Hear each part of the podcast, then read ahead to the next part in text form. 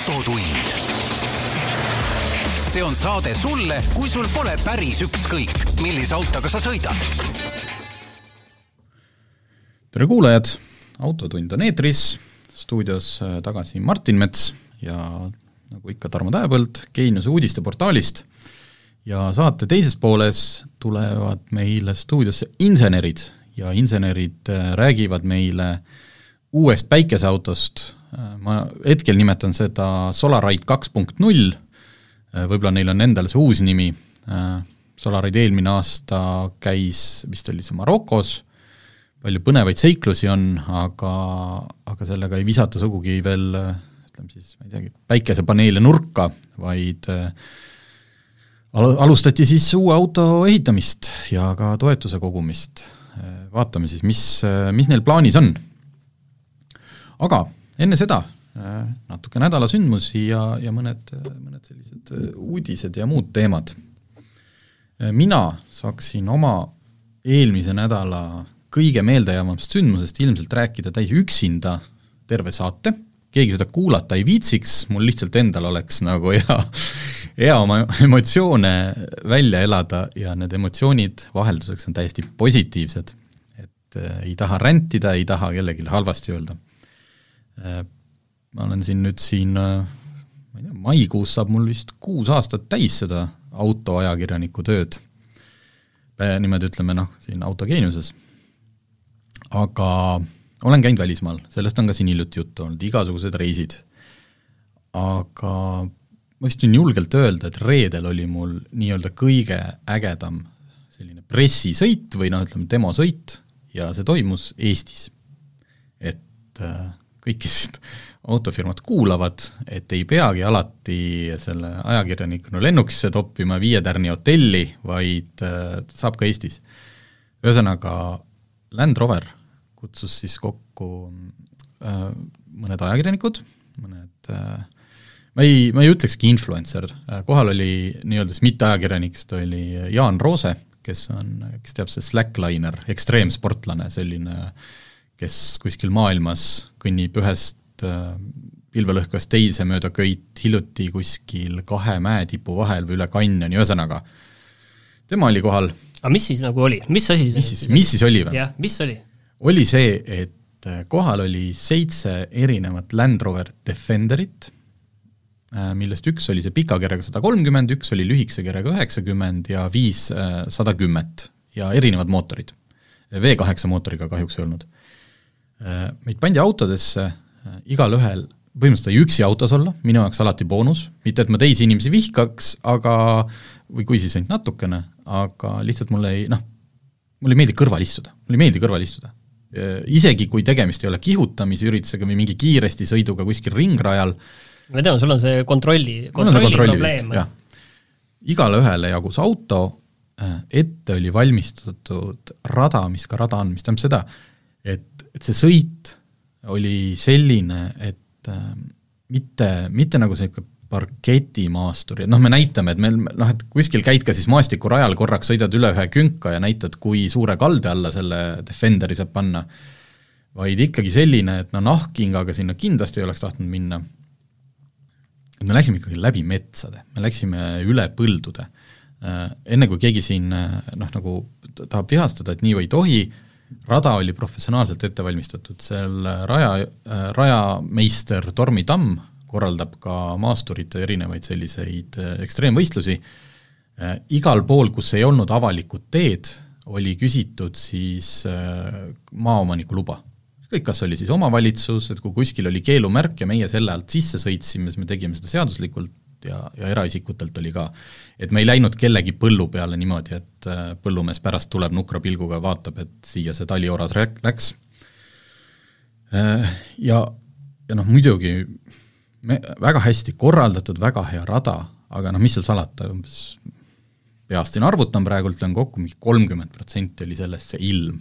kes mäletab, milline oli ilm kümnendal märtsil, imeline päike ja tohutu paks pehme lumi.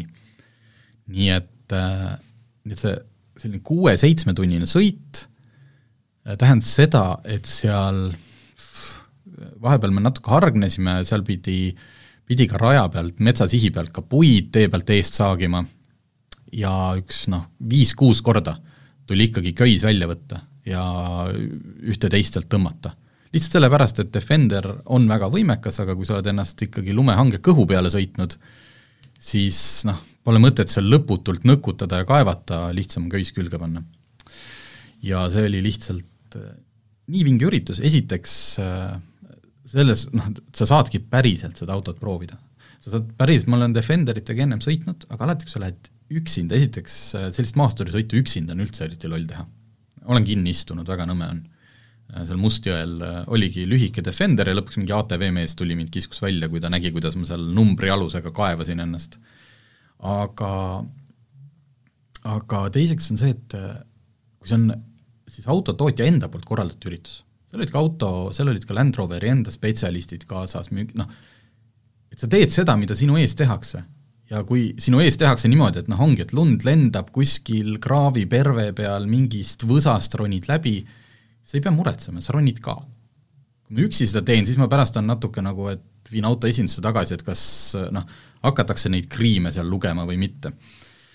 et sellist kuus-seitse tundi imeilusas Eesti talves lihtsalt rassimist ja sõitmist, oli ka maanteelõike, et see ei olnud nagu kõik nagu ainult niimoodi, et kogu aeg lumi üle pea, aga ma lihtsalt noh, ma tean, et tegelikult see üritus vist, sa ütlesid, toimus tegelikult äh, järgmistel päevadel ka ja. veel, et äh, sinu üritusel ma saan aru, et Eesti ajakirjanikud, aga kas tegelikult sinna toodi ka nagu välismaalt ajakirjanikke? ei, ei, ei., see oli kohaliku, see oli siis äh, ikka Inchcape'i ehk kus siis peakontor, see osakond nii-öelda turundus asub Leedus, see oli ikkagi kolme Balti riigi ja need kaks järgmist päeva olid Eestis kliendid, kes on siis Land Roveril olnud tublimad kliendid, mille iganes järgi need siis äh, välja valiti. käibe järgi. võib-olla käibe järgi ja, ja ma küsisin ka, et noh, mul on endal, mõnel sõbral on ka Defender, et kas nad oleks saanud tulla, et, et oma autodega ei tahetud. sest seal oleks läinud kogu see kindlustuse ja siis sa hakkad pärast, et äh, noh, muidugi, alati on, sa paned seal paberi ette inimesele, et kõik vastutus on sinu peal aga ikkagi noh, nad ei, nad ei tahtnud seda, et ei, inimesed tulevad sinna ja. just hakata siis pärast jahuma, et kas see rada ikkagi oli õigesti ette valmistatud.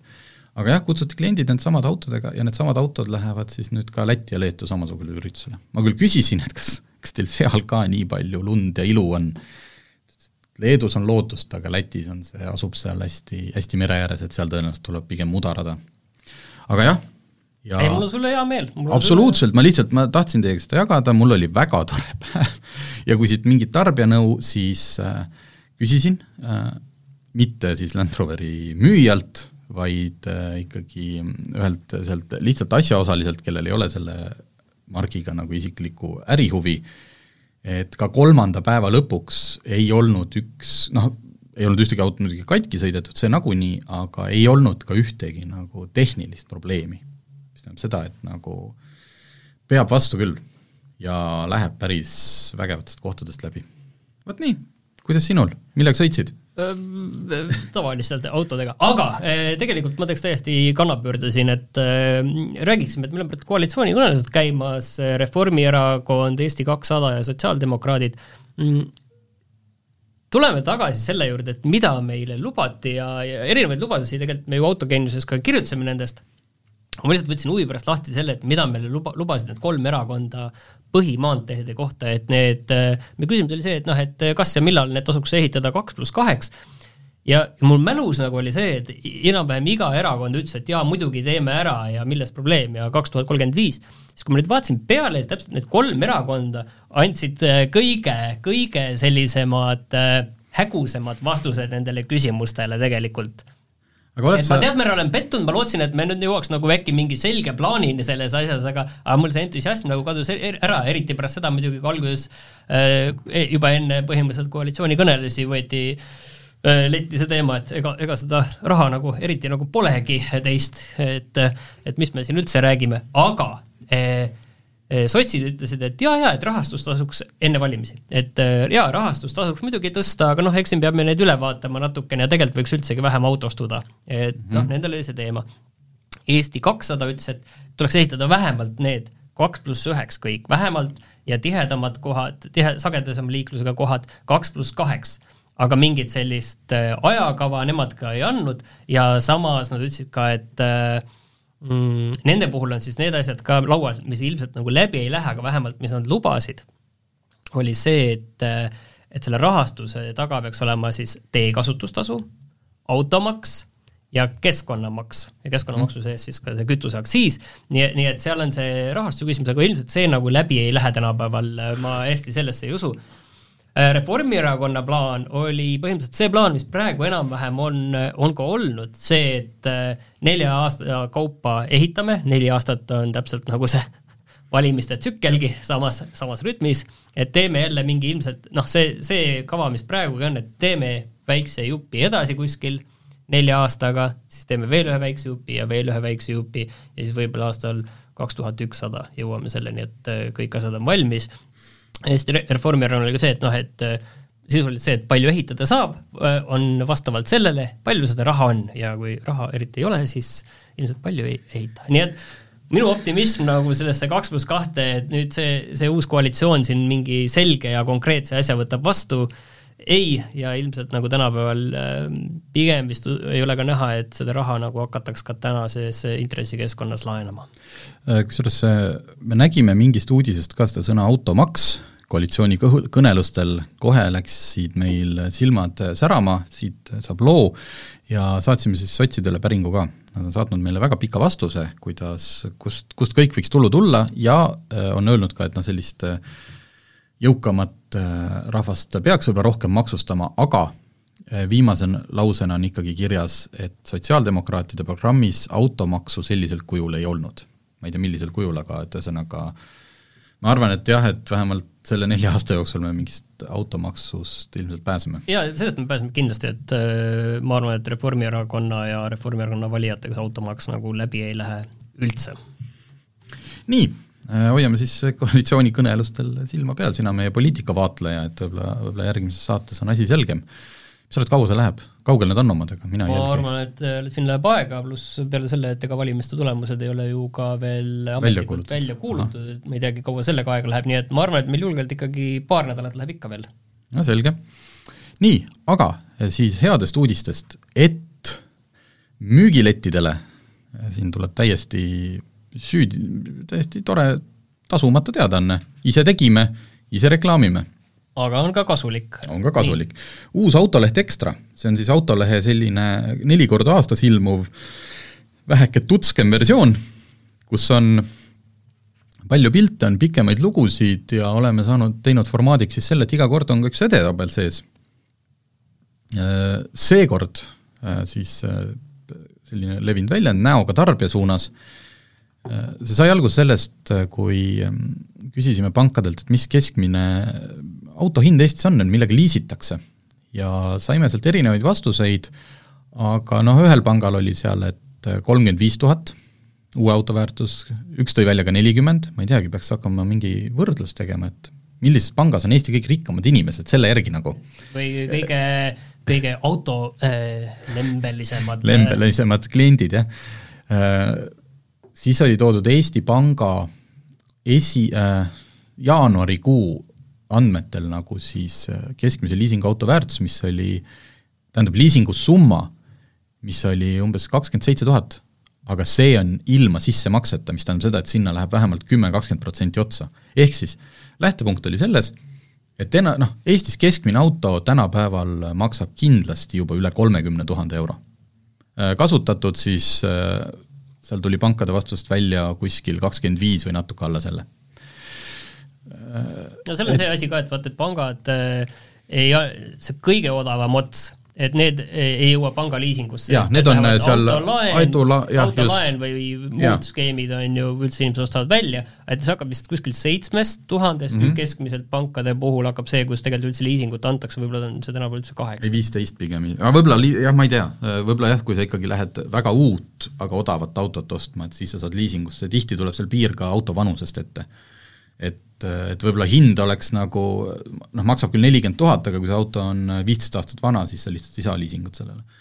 aga et lähtepunkt siis see, et uus auto tänapäeval maksab kindlasti üle kolmekümne tuhande euro ja tegime siis edetabeli, otsisime välja viiskümmend autot, millest enamik on uued, aga seekord panime sekka nii-öelda asja huvitavamaks ja alternatiivide pakkumiseks ka kasutatud autosid. no tegelikult see on ju kõigil küsimus, tegelikult see on ka minul nagu küsimus, et kui ma nagu vaikselt nagu vaatan ringi uue auto koha pealt, siis on see küsimus, et kas kas noh, ütleme, et mul on X summa raha, et kas ma selle eest ostan mingi võimalikult ägeda kasutatud asja mm -hmm. või ma elus esimest korda ostan uue auto. et tegelikult noh, ongi see küsimus, on ju, ja minul nagu kaldub pigem natuke, natuke sinna, natukene kasutatud auto poole. ja, ja eh, eks ta ju lõpuks ongi, et kui sa paar aastat kasutatud, et siis, siis on ka garantii ja kõik muud asjad olemas.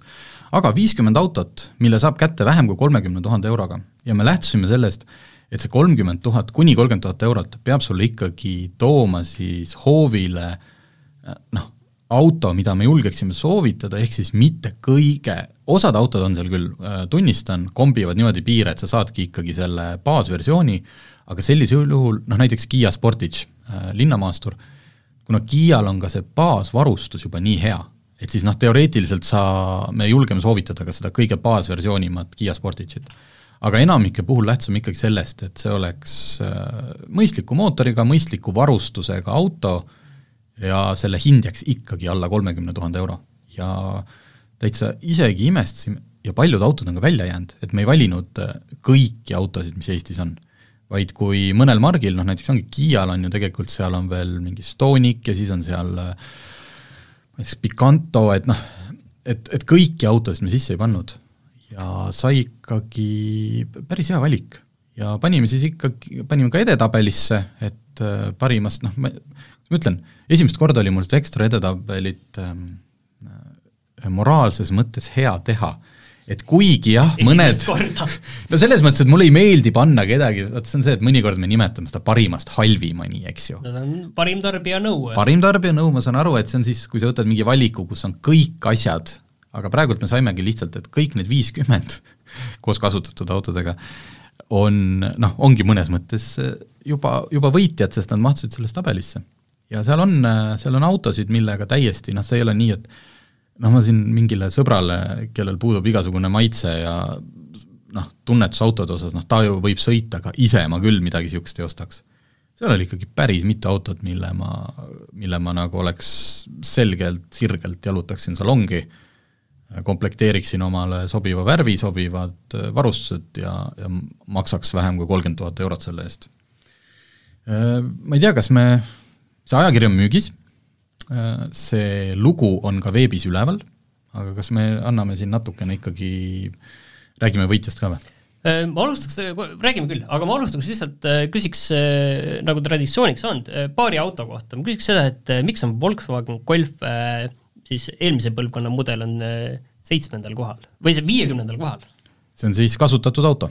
jah, aga miks ta on viiekümnendal kohal, ta on ju Eestis väga popp mudel, suhteliselt lollikindel no ta ei ole väga, sellepärast ah,, ja miks äh,, okei okay,, see, see on tegelikult natuke seotud esikohaga äh,, sest et Volkswagen äh, mis on ju tehnoloogiliselt, eks ju, äh, tähendab, õigemini Škoda ja Seat on tehnoloogiliselt Volkswagenid, äh, kõik nad jagavad samu mootoreid, käigukaste, tehnoloogiat, lihtsalt eriti, kui sa vaatad uut autot ah,. hind, jah? hind, hind, lihtsalt äh, Volkswagen Golf versus Škoda Octavia versus Seat Leon. hetkel kehtivate hinnakirjade järgi äh, lähevad nad umbes selliste paarituhandeste sammudega. Seat Leon kõige soodsam, siis tuleb äh, noh, me ei läinud niimoodi üksipulgi, et kas sa saad selle istme kõrguse sättimise, noh, kas on mõlemal autol olemas. hästi, hästi vaatasime, et oleks olemas seal adaptiivne kiirushoidik, automaatkast, normaalne mootor. Äh, lähevad paari tuhandese sammuga Fiat, Škoda, Golf.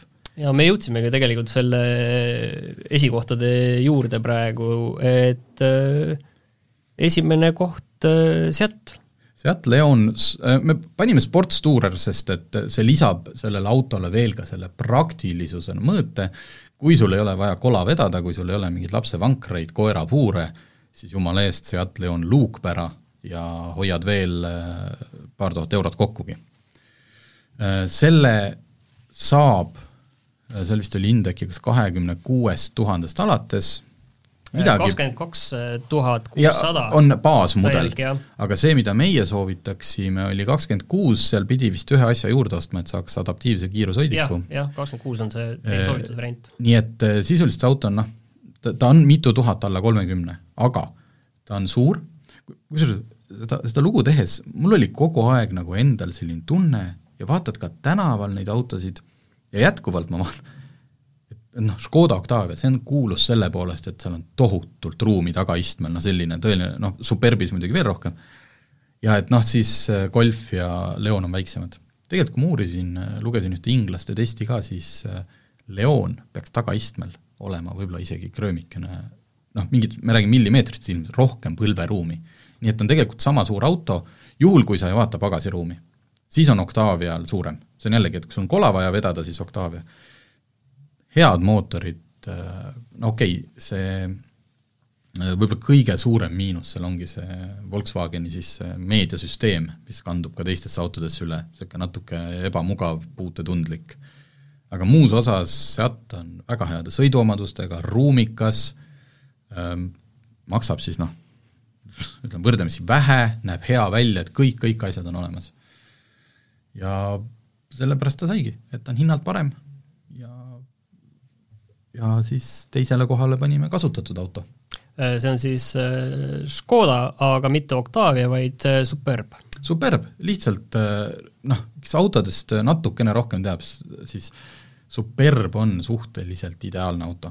selles mõttes, ta pakub kõike, et ta on hästi suur, mis tähendab seda, et ta on ka mugav sõita, noh, selles mõttes stabiilne teel, kui sul on soov, et noh, su auto peab ka seest väga nagu, kuidas ma ütlen siis, premiumi tunnetusega olema siis äh, Superbil see Laurinen Clement varustustase, nahksisu, puitu, noh, see, see näeb väga ka maitsekas välja, kõik, kõik noh, on võimast mootorit, on ökonoomset mootorit ja, ja mis veel, noh, tohutu valik. on Eesti turul on neid kasutatuna suur valik, on kehtivad garantiid ja, ja nende hinnad, kui me vaatasime, noh, umbes niimoodi, et oleks ikkagi vähem kui sada tuhat sõitnud, okei okay, varustusega, siis umbes kakskümmend viis tuhat eurot.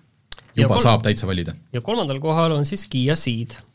Kiia Ceed, jaa, samamoodi nagu Leon on ise, Kiia Ceedil on veel ju tegelikult noh, on luukpära, on universaal, on selline shooting brake, on äh, Kiia X-Ceed, et ainult vali välja äh,, ja selle üks noh, seal ongi, kõik varustus on odav, ta on natuke vananenud auto, kui sa sisse istud, et kui sa oled selline äh, disainihull, et siis Kiia on selline noh, seal on palju nuppe, mis meile meeldib, aga see kõik näeb natuke juba iganenud välja. aga ta lihtsalt on nii hea hinnaga.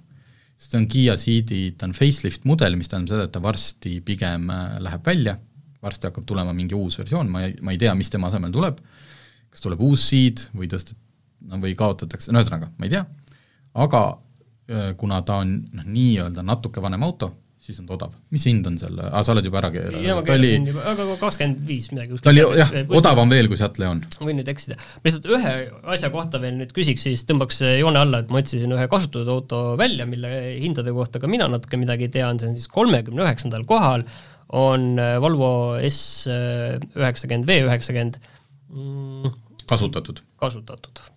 Seal minu meelest see piir suhteliselt jooksebki kolmekümnest tuhandest ja see, see piir on tegelikult nagu see, et ütleme, kaks tuhat seitseteist, kaks tuhat kaheksateist, noh, eelkõige mina, ma olen V üheksakümmend, on see, et no see läbisõit seal kipub alla selle olema üle kahesaja.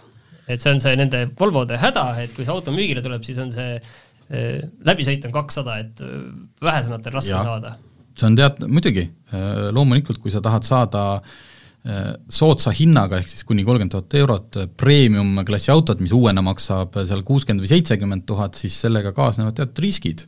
kaasnevad, noh esiteks sa ei saa väikest läbisõitu, või siis see, et noh, sul tulevadki selga varsti mingid hooldus, hooldus- ja remondikulud, aga kõike seda arvesse võttes on ta hik-, ikkagi nagu hea variant võrreldes näiteks paljude Saksa noh, premium-klassi autodega, et ja kuna meil need edetabelid on ikkagi tehtud selliselt, et, et nad ei oleks aktuaalsed ainult noh, järgmised kaks nädalat, et ekstra on müügis ju mitu kuud, lugu on internetis terve igaviku, et loomulikult nende autode hinnad muutuvad. aga see, et ega see auto sellega kehvemaks nagu noh, et kui inimene poole aasta pärast vaatab, siis võib-olla on nende Volvode hinnad juba odavamad, eks ju, äh, võib-olla on kallimad, me ei tea, kuhu poole see liigub, aga jah, et see oleks nagu pikemaajaliselt, äh, et inimene jah, et tal on enam-vähem välja mõelnud, mis hinnaga ta tahab, äh, lööb interneti sisse, otsib selle loo üles ja saab häid ideid, vot. Aga ma teeks siia lõppu, muuseas, me, tabelisse mahtus üks elektriauto. Äh, me lihtsalt, aga tegelikult seal on ka väike nupp ja, ja seda tehes ma lihtsalt vaatasin, et see üks elektriauto on BMW i3, mis on lihtsalt nii äge auto. et tegelikult, kui me räägime li-, elektriautost inimesele, kes erinevalt minust noh, ei taha kogu aeg kuskil Tartu taga käia, vaid sellised linnasõidud, linna lähisõidud, siis alla kolmekümne tuhande euro, kasutatuna muidugi on päris palju autosid. On äh, Nissan Leaf, Peugeot kakssada kaheksa, Opel Corsa, Renault Zoe, juba see suurema akuga versioon, äh, tohutu valik BMW i3-esid ja näiteks noh, mingid Zoe või mingid asjad saavad täiesti garantiiga autod veel. nii et, äh, et see elektri, kasutatud elektriauto, kui me siin alati oleme rääkinud, noh elektriauto on kallis, kes seda osta jaksab, siis selles formaadis, kus me kasutame seda siis noh, seda väljendit pere teine auto või, või linnaauto, siis on valik juba väga suur. et täitsa soovitame kaaluda. et ei, ja see ei ole niimoodi, et noh, kolmkümmend tuhat tegelikult rohkem, vaid nägin seal hindu, noh, kakskümmend kaks tuhat, i3-d on seal ka alla kahekümne tuhande, et äh, tasub kaaluda. ja siia otsa teeks äh, hästi sobiva elektriauto uudise, mis täna tuli, see on küll hetkel nii-öelda ideeauto, aga noh, põhimõtteliselt selle pealt tehakse tootmisvalmis mudel, Volkswagen ID, Volkswageni, sorry, need äh, mudeli nimed. ID2. ID, no ütleme ID2, nad on sinna ise veel pannud lõppu vähemalt kontseptautol all nagu all, ID to all oh, okay. rahvaauto. ma, mina hakkasin mõtlema muidugi, muidugi ühe teise märgi, margi järgi, et see on nagu allroad, aga ei no okei okay,, ei ma arvan, et see on ikkagi to all, et see on rahvale mõeldud, see on tõeline Volks aga see Volkswagen. On juba seal ees ju just. rahvaauto kõigile rahvastele. kõigi, kõigi rahva ehk siis kõi-, hetkel kõige väiksem äh, Volkswageni elektriauto. Äh, ja selle üks siis, ta peaks sõitma seal äh, oli äkki mingi neljasaja, neljasaja kilomeetri ringis, kõik on muidugi noh, selle pressiteate järgi kõik on kõige parem, kvaliteetsed materjalid, noh, väga hea elektroonika, eks me seda kõike näeme. ma ei taha siin lõputut mürgin olla, sest aga samas ma arvan, et Volkswagen on neid ämbreid nii palju kolistanud, et neil on see nüüd selles mõttes selge, et nüüd nagu sealt saab ainult ülespoole tulla. mul on tegelikult kõrged ootused, et nad saavad sellest jagu, aga selle põhiline argument on, see peaks hakkama maksma alla kahekümne viie tuhande euro. mis ma arvan, on siis kakskümmend neli tuhat üheksasada üheksakümmend, baasmudel, aga siiski ta toob selle ID3-ga võrreldes selle nii-öelda baashinna pea kümme tuhat või isegi ma ei ole viimast selle vaadanud, noh, kõvasti allapoole. mina nüüd nagu seda ka, et nagu päris nagu ei usu, et need elektriautode hinnad nagu lõputult tõusevad, et see lihtsalt ei ole võimalik neid nagu massidesse müüa niiviisi, kui need hinnad lähevad niiviisi, et kui me vaatamegi keskmine normaalne elektriauto, et me räägime siin kogu aeg mingist neljakümnest ja viiekümnest tuhandest, et see, see ei ei, ei, ei päde pikas perspektiivis. jaa, see peab tulema normaalsemasse hinnaklassi. ja, ja see kakskümmend viis ei tähenda seda, selles mõttes tegelikult ju Volkswagenil noh, Eestis küll seda ei müüda, ma ei tea, kas kuskil üldse, nad, neil oli seal mingi tootmisega vist, samas oli ju tegelikult e-up oli täitsa olemas ja oli ka soodne. Äh, seda on nüüd jälle mõnda aega olnud, aga et see ID2 ei tähenda, et see noh, alla kahekümne viie tuhande euro, et ma müün sulle nüüd seda seljakotti nagu e-up Äh, neil on äh, Salves ka selline auto, sinna läheb paar aastat aega, mille puhul on nad öelnud, et see hakkaks maksma, kas see oli seal alla seitsmeteist tuhande euro või? seitseteist tuhat viissada vist. et, äh, et see ID2 on noh, täismõõdus, aga see on nagu tavaline auto. pigem noh, ütleme, mõtle Golfile, võib-olla kuskilt siit-sealt mingi sentimeeter on ta lühem, aga samas elektriauto võimaldab sul seda sees olijate ruumi nagu paremini ära kasutada, mis tähendab seda, et sul tagaistmel põlveruum ja need asjad on kindlasti alles just vaatasin, et pagasiruumi maht on toodud nelisada üheksakümmend liitrit. minu, minu sportsedaanil äh,, Alfal on äh, see pagarasiruumi maht nelisada kaheksakümmend liitrit, mis on ma võin äh, eksida, ma pakun, et kahjuks ka minu universaalil on see suht samas samas äh, augus. nii et selles mõttes jah, kui me siin tavaliselt oleme viimasel rääkinud hästi palju hästi kallistest elektriautodest, millega me sõitnud oleme, siis vaikselt noh, nad peavad sinna alla nagu alumisse hinnaklassi midagi tegema. vastasel juhul kogu see Euroopa rohepööre jutumärkides või mitte, noh ei jõua mitte kuhugi. Kui me, kui me iga järgmise mudeliga anname aina võimsama, aina kallima, aina rohkem premium auto välja. Need dotatsioonid peaksid ka lihtsalt nii palju tõusma selle jaoks, aga noh, eks see on okay. nii et äh, jääme ootama, et see ID2 siis äh, täidaks kõik iseendale pandud lubadused. vot, aga nüüd äh, hakkame siis kuulama, et kuidas see päiksega sõitmine järgmisel Solaride'i versioonil välja näeb. nii, ja nüüd on stuudiosse tulnud äh, kaks noormeest Solaride'ist, nad kohe ütlevad äh, iseenda nimed, nii, minust vasakul käel istub Karl August, et ma olen Solaride'i peainsener. peainsener, sina? Äh, mina olen Siim Ilves ja mina olen tarkvaratiimi juht. No vot, selles mõttes okei. Okay., ma arvan, et nende teadmised juba praegult ületavad, ületavad minu omi, aga ongi hea, saan küsida lolle küsimusi, nemad saavad selgitada. nii, ühesõnaga, lugu järgmine, et Solaride, kes on siin varem kuulnud ja kursis, on päikeseauto, päikesejõul liikuv auto, võistlussõiduk, mitte selles mõttes, et ärge seda veel ostma tormake, seda veel osta ei saa, aga mm, siin paar aastat tagasi Solaride juba oli, juba oli minemas võistlusele Austraaliasse ja siis tuli, kui keegi veel kuulnud ei ole, tuli üks viirus. ja mingit Austraaliasse minekut ei olnud, küll aga käidi ära Marokos ja tegelikult sai äh, võistlus mingil määral peetud, sellest ka natukene räägime. aga nüüd, kas ma võin öelda, et tegemist on Solaride kaks null, on teil mingi oma nimi autole? ei, me oleme nii ebaoriginaalsed, et me kutsumegi seda Solaride kaheks. Solaride kaks on projekteerimisel ja ehitamisel Solaride kaks ja siht on jätkuvalt seal Austraalias tuleb ära käia. millal see võistlus toimub? see võistlus toimub oktoobri lõpus, et äh, oktoobri lõpus ja kestab siis kuus päeva. okei okay., aga selleks, et äh, noh, Austraaliasse reisida isegi turistina on suhteliselt kallis, aga kui sul on kaasas äh, suur tiim ja päris suur auto, mis ja kõik tehnika, mis sinna on vaja vedada, siis Solaride on just hiljuti käivitas ka hooandja kampaania, kus saab neid toetada, see läheb kõik selle Austraalia võistluse kulude katteks, ma siin lugesin pressiteatest, et viiskümmend tuhat eurot on see piir, esimese eile õhtul või siis saate lindistamise ajal startup, Tartu Startup Day raames oli kampaania avaüritus, viiekümnest tuhandest seitseteist tuhat kuussada saadi kokku, ma lugesin ka, et mis seal tingimused on, et kui on kümme tuhat, siis saab üks Solarider minna, kui on kakskümmend tuhat, siis on juba kaks inimest, nii et teil on üks koma seitse inimest on juba Austraalias no ega see nii karm ei ole, et nüüd üks või kaks, et kahekümne viie inimese saatmiseks on siis eelarve on viiskümmend tuhat eurot. kakskümmend viis inimest, 25. see on korralik niisugune turismireis. no turismireis ei tahaks öelda, kuigi palju maastikku seal kindlasti näeme, aga noh, see auto ei ole niisugune mugav tarbeese, et ja. sul on vaja kahtekümmet inseneri selle jaoks, et see teel peab, tee peal püsiks ma veel loen ette, et seal nende esimeste toetajate sees olid äh, Tiit Pruuli äh,, siis David Leak, kes on vist Milremist, eks ju. Mm, -hmm. äh, Martin Villig, Bolt. Äh,, ei vaja tutvustamist. Ja neljanda suurtoetajana välja toodud vanaema Maimu. Kelle vanaema oli?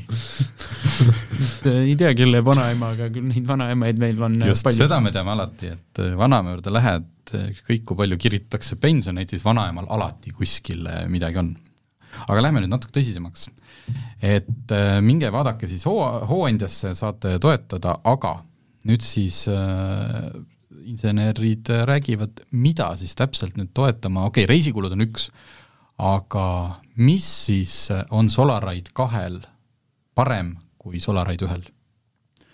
No selles mõttes me muutsime täielikult terve auto ära, et äh, kuna me nägime Maroko võistlustel, et äh, meie prioriteedid olid täiesti valesti seatud, nii, aga räägige kohe sellest, et mis siis, mis siis Maroko võistlus, mis te õppisite sealt, mis läks valesti? Äh, esimene asi, mis me õppisime, oli see, et see võistlus ei ole efektiivsuse peal ainult, et äh, tegelikult on see ikkagi kestvussõit, sa sõidad sama lõigu, mis on Tallinnast Barcelonasse iseehitatud äh, tudengite autoga ja sul on päevas, ütleme niimoodi, natuke alla tunni aega, et äh, tegelikult lihtsalt paigal seista, et kui sa seisad kauem paigal, siis sa lihtsalt ei jõua finišijooneni õigeks ajaks. Ja see töökindlus just on see, mida me oleme nagu hästi palju suurendanud või noh, tõstnud. et me püsiksime tee peal, sõidaksime, hoiaksime seda kestmiskiirust, sest vastasel juhul see konstantne katki minemine, siis on vaja see kiirus uuesti üles ehitada, siis kaotad sealt efektiivsust ja li- lisaenergia läheb sellele, see on nagu kõige suurem osa. aga lisaks ka turvalisus, et äh, Marokos järsku kõigil lõi see klapp peas käima, et okei okay,, et nüüd on, nüüd ongi see hetk käes, kus on päris inimesed, päris inimelud selles autos ja nad sõidavad tavaliikluses. just, et see ei ole ju ringrajasõit et vaid see on jah, tavaliikluses, kõigide, eriti Maroko liiklus, ma ei tea, kas see on hullem kui Austraalia liiklus, aga kaootilisem kõvasti, et me ei ole küll Austraalias käinud, aga see oli omaette nähtus näha, kuidas seal liikluskultuur siis äh, töötab. aga kust see, kust see vastupidavus tuli, kas see tuli äh, pigem tarkvarast, et kogu aeg tuli seal midagi ümber seadistada või see oli puhtalt, et jupid kukkusid küljest ära? Äh, see vist äh, Marokos oli üldse see, et ähm, pigem ütleks nii, et äh, jupid kukkusid küljest ära ja tarkvara ka ilusasti ei töötanud. et seetõttu me olemegi sellel hooajal pannud nii-öelda mm, varasemad kuupäevalised eesmärgid ka, et me saaksime palju rohkem testida. sest jah, seal versioon ühel tegelikult oli plaan ka teha ja tegime ka optimaalse kiirusega kontrollerit, mis on põhimõtteliselt see, et ta arvutab, võtab erinevaid parameetreid arvesse ja üritab äh, leida kõige efektiivsema sõidukiiruse niimoodi, et akud ka järgi jääks. aga seda reaalsuses seal auto peal ei olnud, aga nüüd selle hooaja auto peal see tuleb sellepärast, et auto saab varem valmis ja me saame ka testida seda reaalselt siin Eestis. Äh, mäletan, esimene Solaraid oli vist äkki, seal on erinevad klassid, kas see oli see, et teil oli, pidi autosse neli inimest mahtuma? Äh, et jah, seal on erinevad klassid, on Challenger ja Cruiser ja siis Cruiser, kus me oleme, et seal on kaks kuni viis inimest, et Okei. sa saad äh, su efektiivsus või energiakulu jagatakse sinu sõitjate arvuga, et mm -hmm. neli oli väga optimistlik mees, sest nelja inimest kanda on nagu massi suhtes väga palju. et me see hooaeg olemegi kahe inimesega, et äh, ma just vaatasin, et auto disain on täiesti teistsugune, et eh, kui ta eelmine kord oli selline saiapätsi või kujuline, siis nüüd on ta ma ütleks palju stiilsem.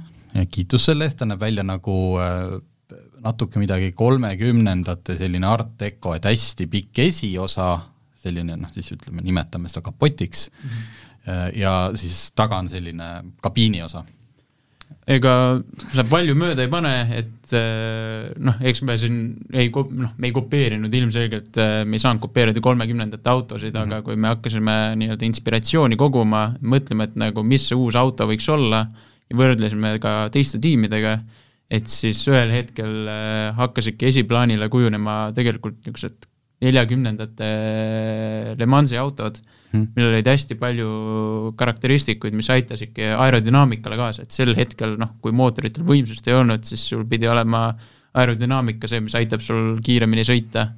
ja esmased ideed tulidki nagu, esmased analüüsid, mudelid tulid selle arvelt ja noh, nüüd on ta muidugi kujunenud, noh, me kutsume seda botaseks, et ta on niisugune kingakuju, aga et äh, nüüd sellest see kõik algaski Äh, kaugel see auto füüsiliselt on?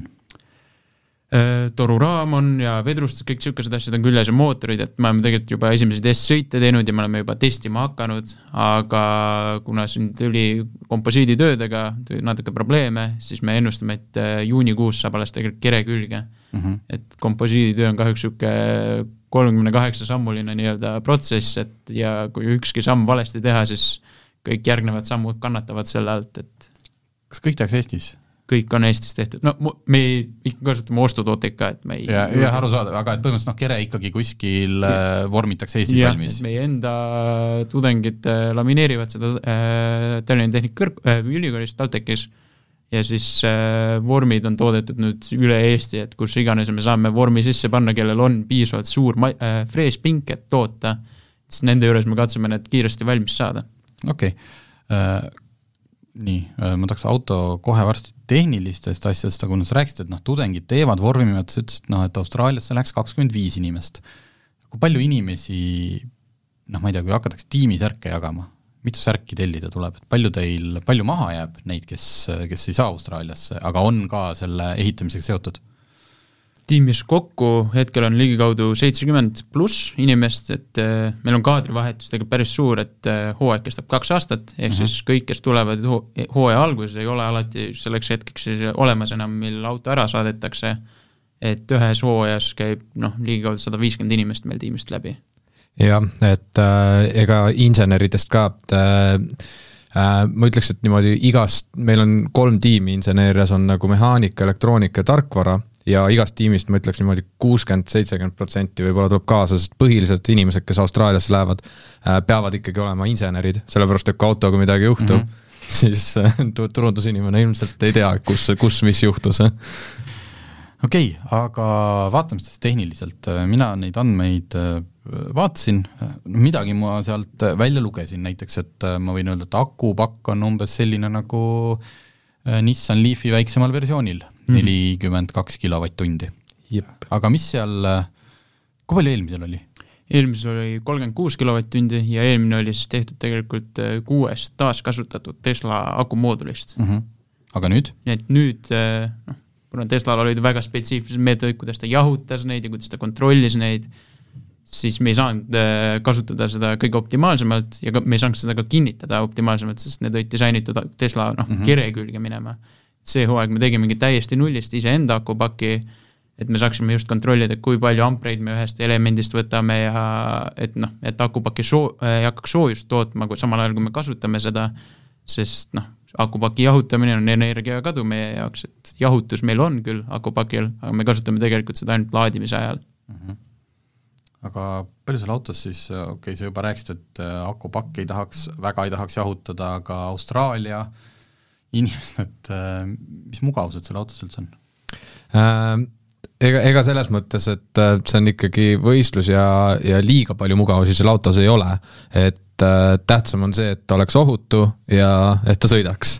aga kui võib-olla äh, tuua selliseid äh, noh, siuksed, sihuke tavapärane auto, kus sul on äh, ekraanid, kus sa näed vajalikku auto informatsiooni ja väga, väga, väga, väga rohkem mugavusi seal ei olegi, et mingid külmikud sinna ka istme vahele ei hakka panema. no topsi et... hoidjad on seekord, nii et okei okay.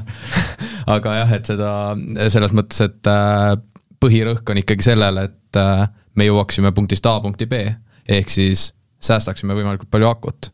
Äh, ja seetõttu on ka võib-olla niisuguseid just elektroonikamugavusi äh, vähem, aga näiteks topsi hoidja, see ei, see ei võta tükki küljest, et sellist, sellist asja juurde panna. kui äh, te rääkisite, et laadimise ajal, et kui palju teda võib siis võistluse ajal laadida? meil on äh, kaks punkti äh, kolme tuhande kilomeetri kohta, kus me laadida võime ja siis äh, mis tähendabki, et siis kõige pikem lõik, mida me sõitma peame, on natuke üle tuhande kahesaja kilomeetri, et tuhat kolmsada on nii-öelda aku, auto eeldatav range üldse, hoides keskmist kiirust seal üheksakümne kahe juures, et õnneks kui ei hakka välja tulema, siis saame seitsmekümne viieni alla tuua ja siis jõuame ikka õigeks ajaks kohale. tuhat kolmsada tähendab seda, et ütleme, alustate hommikul täiesti laetud akuga, nelikümmend kaks kilovatt-tundi ja samal ajal päikesepatareid toodavad sinna siis nagu juurde?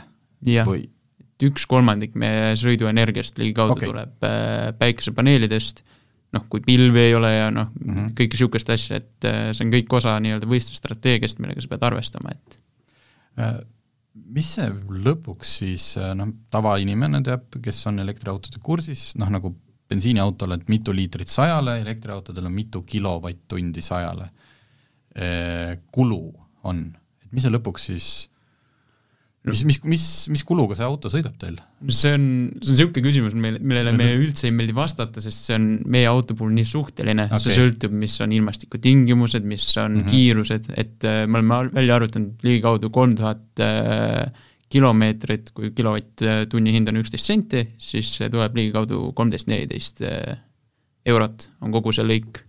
päris hea, ütleme mm. Hispaanias, peaaegu et Hispaania piirini saab siis, saaks, saaks neljateist, neljateist euroga. kes, kes, kes rooli läheb? või mitu inimest äh, nii-öelda siis see on, kes peavad valima seda kiirust ja noh, siis lõpuks nagu ütleme, seitsmekümne inimese tehtud töö vormistama nii-öelda tulemuseks? Äh, no selles mõttes, et need, kes piloodiks siis äh, meie masinad piloodiks saavad, äh, seal on mingid kriteeriumid, üks kriteeriumitest on näiteks see, et üle kaheksakümne kilo ei tohiks olla, aga peaks olema põhimõtteliselt täpselt kaheksakümmend kilo. et siis korraldajad, kui sa peaksid olema alla kaheksakümne kilogrammi, siis no. nad panevad sulle mingeid liivakotte okay. juurde, kui üle, noh siis sa oled lihtsalt üle ja siis on, auto ei ole enam nii efektiivne. ja kuidas me päris mingit noh, nii-öelda väljaspoolt mingit rallisõitjat ei hakka kutsuma, sellepärast et me tahame ikkagi, et enda insenerid oleksid seal äh, piloodina, sellepärast et nemad tunnevad seda autot kõige paremini ja nemad mm -hmm. ka teevad neid testsõite. ehk siis kohe, kui midagi viga, siis on nii-öelda jah äh,, jalatunnetus või mis iganes, kuidas kutsuda seda, et sa saad kohe aru, et midagi on viga ja sa saad saateautodele teada anda. ja ma saan aru, et kuna Austraalia võistlus, siis on parempoolse rooliga auto ei, ei ole, et ta on ikkagi meie, meie tingimuste jaoks ikkagi et saaks pärast Eestis edasi kasutada? jah, et äh, hirmsam osa tundus meile see, et äh, Eestis on vaja alustada testimist ja üritada siin ära harjuda autoga ja siis veel olla valel pool teed, et Austraalias on see, et sa sõidad enamuse teest otse, sul on ees ja taga saateauto, et meil on üldse kuuest autost koosnev kolonn käib äh, päikseautoga okay. kogu aeg kaasas ja noh, päikseauto tegelikult vaatab, mida eesmine auto teeb, et tema kamandab kõike ja okei okay., et äh, võrreldes selle Maroko võistlusega, siis ma saan aru, et äh, marsruut on ikkagi, et ma lugesin seda Maroko blogi teil, kui sõitsite, et noh, seal oli ikkagi, pidi ka linnas, äh, sa pididki läbi linnaliikluse selle oma, ma ei tea, kuidas sealt nähtavus oli kas Austraalias on sama, et ikkagi on ka nii-öelda linnaetapid, et stardime hotelli juurest ja jah, et sa alustad ja lõpetad linnas, et sa alustad äh, Darwinist, lõpetad Adelaide'is ja noh, vahepeal sinna Austraalia keskele kuidagi kõrbesse on ka mingid linnad ära eksinud, et äh, selles mõttes linnades sa pead ikkagi äh, olema ja seal on ka see tehniline kontroll, dünaamiline kontroll ongi just selle jaoks üles ehitatud, et äh, sa pead tõestama seal, et noh, punkt üks, et sa suudad üldse maanteel püsida, aga see, kui sa lähed linna, sul peavad olema teatud äh, pöörderaadiused ikkagi ja et sa pead olema võim-, piisavalt -hmm. kiiresti kiirendama ja pidurdama ja kõiki niisuguseid protsesse tegema, et sa ei jääks jalgu, et sa ei tekitaks liiklusohtlikku olukorda. -hmm. aga kui, kui see sõit nüüd käib, no jällegi teil see Maroko kogemus on all, kui palju seal sõiduhetkel noh, ise kujutan ette nagu ulmefilm, et üks mees on roolis, teine on kõrval, noh, neli läpakat ees, siin tõmbab eebleid, siit paneb juurde, või on see tegelikult, et noh, auto on juba ära häälestatud ja siis lihtsalt kulgeme ja vaatame, et ükski punane tuli põlema ei läheks äh,? seal on tõepoolest niimoodi, et üks on piloot, tema põhiline ülesanne on jah, äh, juhtida autot äh,, siis on äh, kõrvalistuja, kes äh, võtab äh, kõiki äh,, kõik, kogu infot, mis tuleb äh, raadiosaatjatega või kust tuleb äh,, võtab vastu ja jälgib ka parameetreid, mis auto sees toimub. aga tegelikult selle auto nii-öelda kontrollimine toimub pigem saateautos kus on siis äh, taga bussis äh, ähm, strateegiatiim nii-öelda, kes jälgib äh, auto erinevaid parameetreid ja teeb sellele vastavalt otsuseid või siis seda teeb meie see optimaalne kiiruse kalkulaator, aga vahetevahel peab ka ikka inimsilm vaatama üle, et kas ta teeb kõige paremaid otsuseid.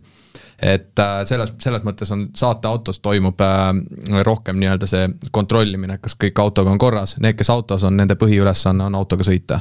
okei. okay kui Siim teeb kõik äh, asjad oma tiimiga õigesti, siis me paneme lihtsalt püsikiirushoidja peale ja päeva lõpus võtame, võtab ta ise ennast õigel ajal maha, lülitab auto välja ja me lihtsalt astume autost välja õigel hetkel, et okei. Okay., äh, ma ütlen sooandja raames, et äh, hakake neid juhikohti müüma, see on nagu see gentleman's driver, et kuskil Le Manil, et ongi rikas härra, muidugi ta peab sõita oskama, tuleb kohale, paneb võidusõiduülikonna selga, istub autosse, kõik on tema eest juba ära tehtud noh, seal on niisugune noh, punkt üks, ükski kaine inimene ei taha seda tööd teha, et seal autos sees on noh, meil konditsioneer võtaks kolm korda rohkem energiat mm -hmm. kui mhm. auto ise, ehk siis seal autos sees on noh, niisugune nelikümmend kuni kuuskümmend kraadi pole haruldane ja kolm tundi istuda süsinikkiust kõva tooli peal kuskil kägaras pikali, siis see ei ole asi, mida teised tahavad teha ja tegelikult see on oluline ka, et tiim ise, insenerid mm -hmm. ise sõidavad, sest äh, läbi selle nad tajuvad kõige paremini ära, et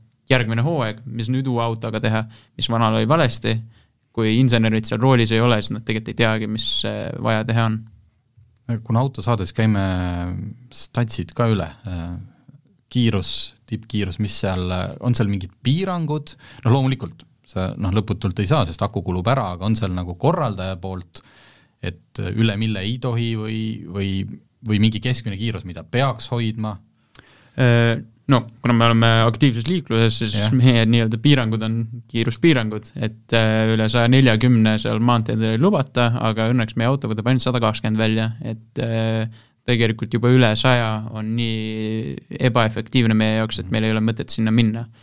ja miinimumkiirus, mida sa pead tabama, keskmine kiirus on kuuskümmend kaks kilomeetrit tunnis, kui sa langed kordagi päeva jooksul alla selle, siis sa saad automaatse disklahvi, sest sa oled teistel autodel ees ja et sa jõuaks, kuna meil on noh, nii-öelda kellaajast kellaajani sõidud ja sa pead õiges punktis olema õigel kellaajal, siis, ja sa ei saa boonuspunkte selle eest, et sa oled mm -hmm. nagu varakohal, sa saad miinuspunkte selle eest, kui sa hiljaks jääd. siis sa pead hoidma konstantset keskmist kiirust äh, vähemalt seitsekümmend viis, et õigeks ajaks kohale jõuda. okei okay., äh, kas see, ma vaatasin äh, sealt andmetest, et õhutakistustegur, ma ei tea, kas see on õige sõna mm, -hmm. on null koma kaheksateist. võin siin näiteks kuulajatele tuua, et näiteks kõige voolujoonelisem äh, seeriaauto või tänased auto peaks olema pealt vist Mercedese EQS ja EQE seeria autod, mis on null koma kakskümmend. kas teil oleks seda võimalik, on see niimoodi, et praegult on null koma kaheksateist või on, noh, kui palju pidi selleks vaeva nägema? Ja kas see iga null koma mingi asi jah, mida edasi see, mida väiksemaks see number läheb, siis noh, ilmselgelt eh, selle numbri allatoomine muutub aina raskemaks, kuigi tegelikult on tiime, kes võistlevad eh, numbriga null koma kuusteist, aga et siin tulebki see balanss mängu, et mida aerodünaamilisem su auto on, seda tundlikum ta on külgtuulte suhtes, kõikide noh, rekka sõidab mööda, mis iganes võib juhtuda et siis siin tulebki leida see balanss, et äh, kuidas sa nagu stabiliseerid seda õhuvoolu, et ka külgtuules, sest Austraalia kõrbes on mm. külgtuul võib-olla sada kilomeetrit tunnis, et on olnud äh, võistlusi, kus need väiksema, väiksema klassi autod noh, reaalselt tõstetakse üles ja need lendavad vahepeal sada meetrit ja kukuvad kuskil kõrbes alla, liiva sisse.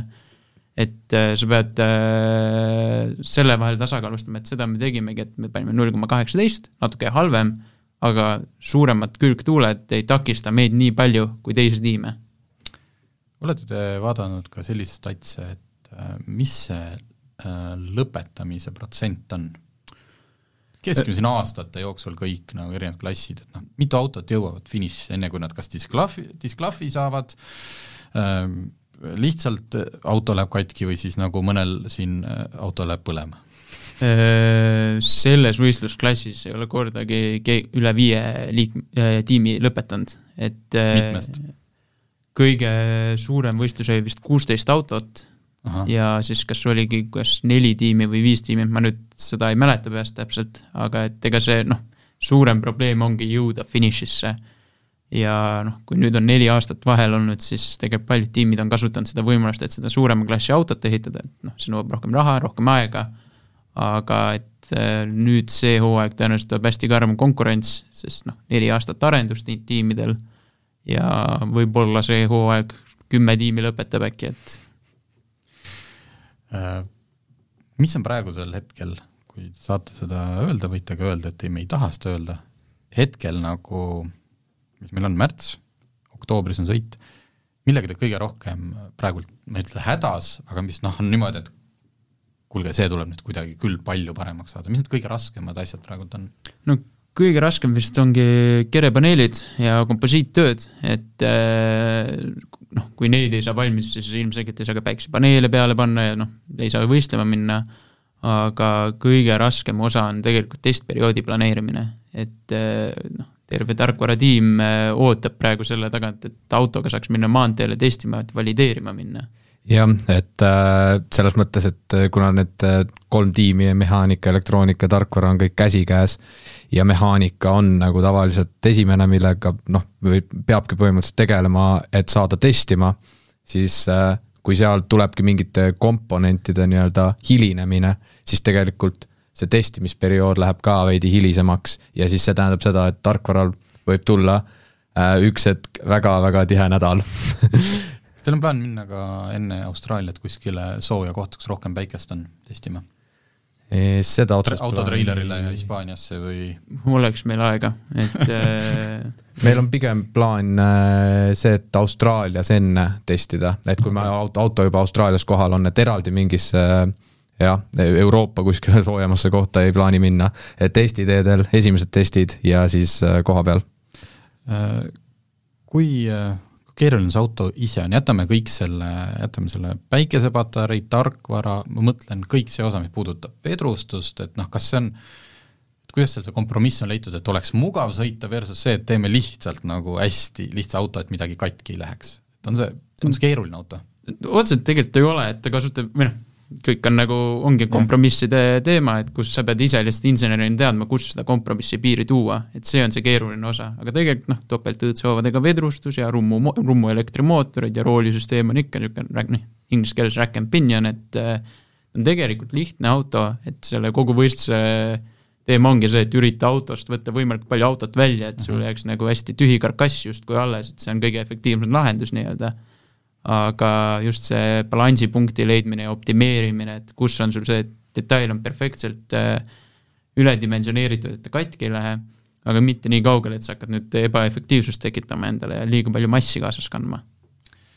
Äh, noh, suures, ma, ma, ma saan aru, et eks ju selle Solaride'i nagu ka tudengi vormeli noh, põhiline eesmärk on ikkagi, et äh, noored saaksid sellist noh, käed külge kogemust mitte lihtsalt äh, paberi peal arvutada ja teha, vaid päriselt asju ehitada. ja selles mõttes on see väga äge. aga, ja, ja siis nad lähevad sealt edasi, lähevadki erinevatesse ettevõtetesse ilmselt inseneriks või tarkvara töötama, aga kas, kas reaalselt noh, selle käigus te nüüd nagu noh, mingi, mingi tehnoloogia, mingi lahendus, mida te arendate, et või, võiks olla ka, et keegi tahakski seda päriselt äh, ära osta või, või keegi, keegi kuskil nagu te olete midagi nii päriselt uut leidnud, leidnud? noh, need on ju muidugi asjad, millest me rääkida ei saa, et ah, no vot, nüüd jõudsime selle kohani, väga et, hea. Äh, ega me ei saa neid kõiki saladusi välja rääkida, kindlasti on neid iduideid meil tulnud ja okei okay. äh,. aga noh, eks me põhirõhk Solaride'is ei ole tegelikult see, et noh, olla nüüd mingisugune startup inkubaator, et mm -hmm. vaid pigem ikkagi see, et jah Äh, tõsta siis äh, inseneride kvaliteeti ja tegelikult, kui me jälgime OSKA uuringuid, siis meil jääb kaks kolmandikku töötleva tööstuse inseneridest puudu. ja kui me paneme kõik üliõpilased, kes meil on, paneme inseneeriat õppima, sest ikka ei piisaks meile. et äh, ja kui me ei saa numbritega seda kompenseerida, siis tulebki hakata kvaliteediga. et see on tegelikult see suurem eesmärk või point, mida me teeme. millal te esimest, esimest Solaride'i tegema hakati? kaks tuhat kakskümmend pidi võistlus olema, see jäi ära. kakskümmend üks. kakskümmend üks pidi olema või kakskümmend üks oli juba Maroko? kakskümmend üks pidigi olema Maro-, või noh, mõlemad võistlused okay., et okei okay,, nii. ta alus, algas äh, kaks tuhat kakskümmend kevadel vist, sai, sai nagu suurema hoo võib-olla sisse, et äh, tegelikkuses vist alged olid juba natukene varasemalt, Tartu Ülikooli kahe tudengi poolt, äh, kes mm -hmm. mõtlesid, et tahaks midagi ära teha ja, ja siis äh, siis äh, Alvo Aablo pakkus äh, neile sellist varianti, et hakake päikseautot ehitama. ja sellest siis kujunes välja nagu jah, nagu praegu seitsmekümneliikmeline tiim, kes rühib selle poole, et Austraalias äh, siis autoga punktist A punkti B jõuda. et tegelikult selles, mul oli küsimusel täiesti tagamõte, et nüüd sellest esimesest Solaride'i algusest, et kui palju, noh, suur on olnud areng näiteks selles samas päikestehnoloogias ja siit edasi ma tahaks veel küsida, et kas on reaalne et võib-olla mitte me ei sõida peagi noh, puhtalt päikesejõulautodega, aga et, et see, see kasutegur, mis tuleks päikesepaneelist elektriauto küljes, noh need akud jäävad alati kodus laed, kas see on paranenud? on see näha, et me, et päikesest võiks saada auto, autosõidul nagu abiline? No hetkel veel mitte, et äh, jah, päikesetehnoloogia areneb tegelikult äh, metsiku kiirusega, aga see metsik kiirus on niisugune, ütleme null koma null null null üks protsenti päevas, et äh, eksisteerib juba auto, mis kasvaski välja Eindhoveni tiimist, kes ehitas päikeseautot, et see auto nimi on Lightyear. Ja Lightyear One ongi siis elektriauto, tal on katusel päiksepaneelid ja selle nagu eesmärk ongi see, et noh, ta ilmselgelt ei suuda ära täita seda vajadust terve energia tarbimise jaoks. aga kui sa sõidad tööle, pargid oma auto päikese kätte üheksaks tunniks, siis sa suudad nagu piisavalt äh, energiat tagasi koguda, et see viis kuni kümme kilomeetrit uuesti tagasi koju sõita, et saad seda nullbilanssi seal hoida mm. -hmm vot, äh, no minul hakkavad vaikselt küsimused otsa lõppema, ma ei tea, kas ma olen mingi osa jätnud nagu äh, raskesse olukorda panin teid. et kajastasime selle auto ära. ma arvan küll, et sai äh, ma, kuna, kuna tuli tookord ka see Covid peale, meil äh, sõita vist tookord ei õnnestunudki, et me siis paneksime ennast proovisõidu järjekorda. saab kindlasti väga hea meelega tuleme ükskõik kuhu, ka Austraaliasse, teeme oma hooandja aga ma siis tuletan veel seda hooandjat meelde, et praegult vaatan, teen lahti, äh, kaheksateist tuhat eurot on koos. ja siin on siis äh, noh, need nagu ikka hooandjas on need tasemed kümnest eurost, see on erinevad hüved lisanduvad ja kui sa toetad näiteks tuhande euroga või enamaga, siis sa saad juba oma nime autole, siis sa saad erinevatele üritustele kutseid, siis sa saad äh, Austraaliast otsesündmuste keskelt tervitusi ja kõike muud. aga ennekõike saad sa ennast tunda hästi, sellepärast et äh, tehakse ägedat asja ja, ja loodetavasti on tulevikus sellest kõigil suur kasu. Aga aitäh, et tulite! aitäh! aitäh kutsumast!